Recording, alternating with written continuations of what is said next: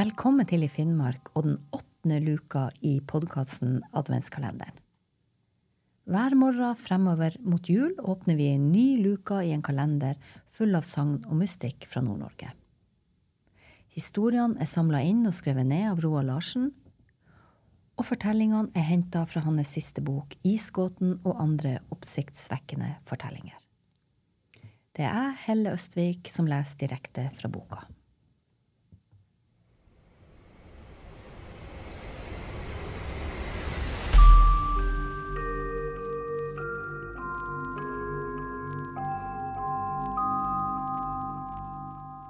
Vi åpner adventskalenderens åttende luke med historien Innvandrerbrev fra en gutt i Finnmark på 1960-tallet.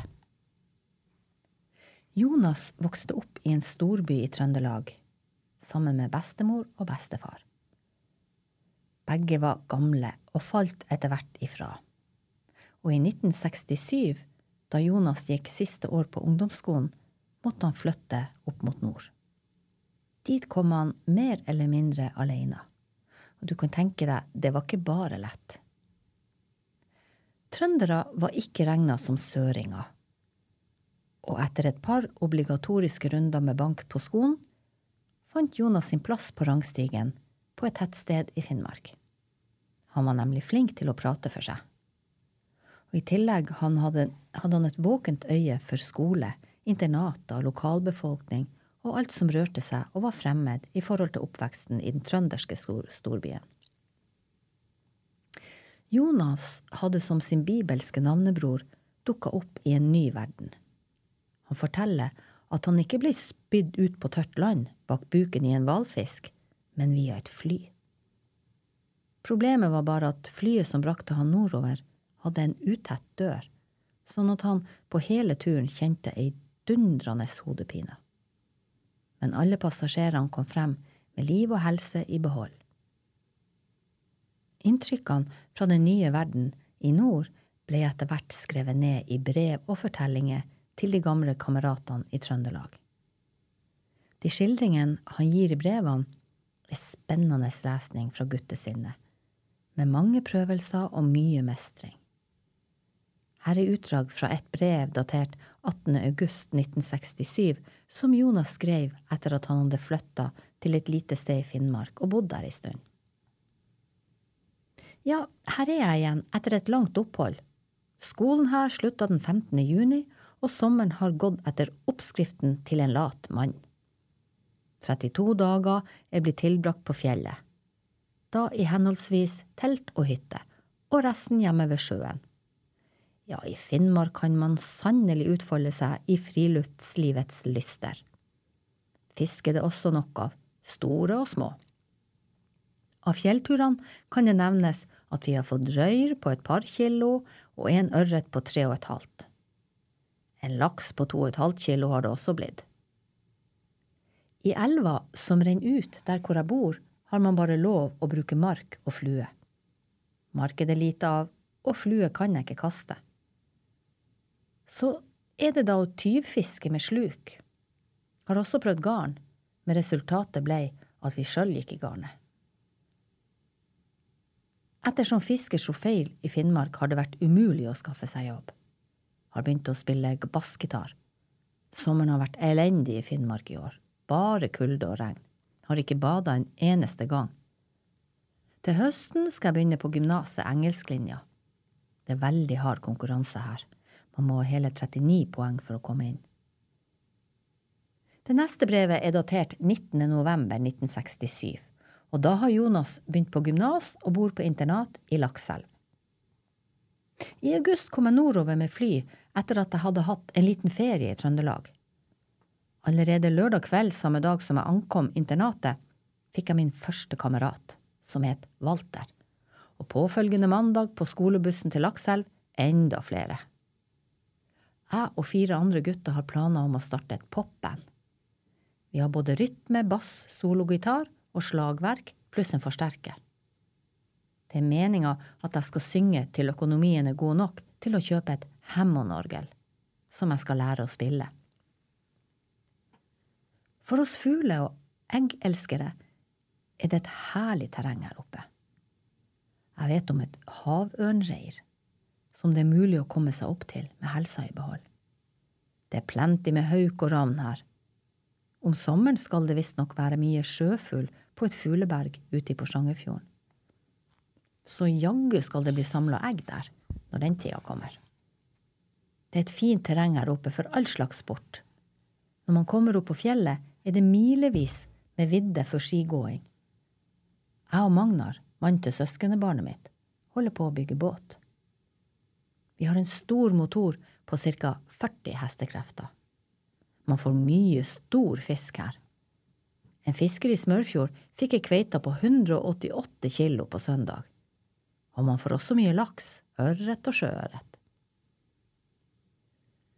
Brevet nedenfor er datert 18. november 1968.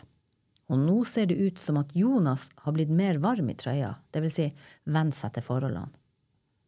Hallo, alle sammen, bonjour, kamerades. Ja, her oppe i Finnmark går livet sin vante gang. Vi sliter oss nesten forderva på skolen. Enkelte ganger blir det å sitte i rundt fem timer og jobbe med leksene, ja, noen ganger mer enn det. Men det går da godt på skolen, og da så. Adressen er den samme, for jeg er fremdeles i Lakselv. Dere skjønner, det har i Lakselv blitt oppretta en gymnasklasse, der elevene går første året. Men de to neste årene må jeg og resten av elevene i denne klassen enten gå i Hammerfest eller Alta. Så da blir det å bo enda to år i konsentrasjonsleir, eller på internat. Maten vi får her på internatet, er et kapittel for seg, og hører ikke hjemme i det norske velferdssamfunnet. Det mest bemerkelsesverdige er at de nesten hele året serverer elevene ingenting annet enn rester. Det er ikke så lenge siden vi ble matforgifta. I lapskausen som vi fikk til kvelds, fant vi både fiskestykker, gamle kjøttkaker og harskt flesk. Du skal ikke kaste maten, heter det visst, men det får da være måte på. Resultatet av matforgiftninga ble trafikkork foran dassen. Og for ikke så mange dager siden gikk lyset i Lakselv mens vi holdt på med lekselesinga. Hysj, ut med dere, sa internatbestyreren. Stå ute og vent i fem timer til lyset kommer, kommer igjen.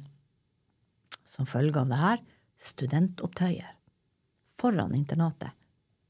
Resultatet av det igjen ble en knallhard straff på vann og brød i ei uke, pluss at vi måtte holde oss ute i langfriminuttet.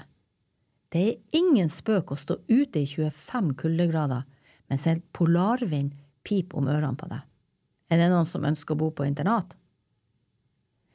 I høstferien var jeg med samene på reinsdyrslakting.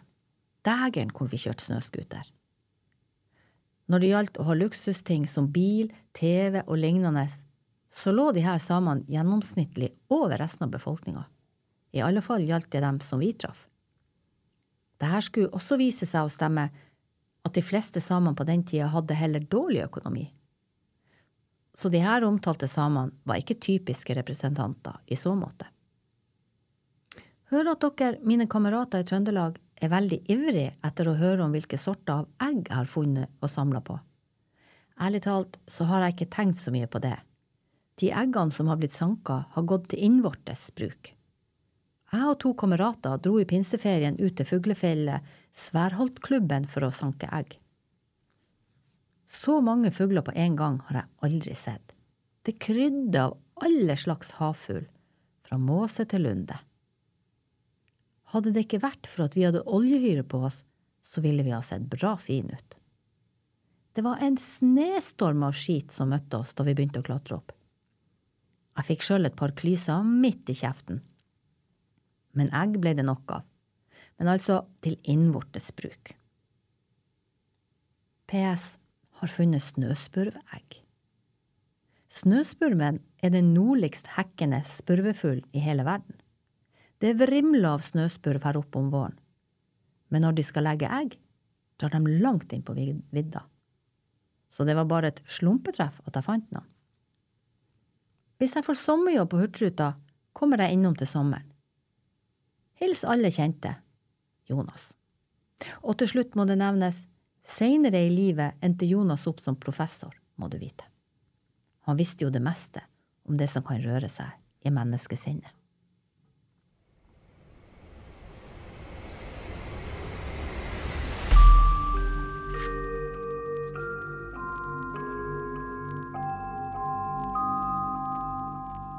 Det var åttende luke I Finnmarks podkast Adventskalenderen. Mitt navn er Helle Østvik, og jeg har lest historien Innvandrerbrev fra en gutt i Finnmark på 1960-tallet. Fra Roald Larsen, siste bok Isgåten, og andre oppsiktsvekkende historier utgitt av Arktisk Forlag.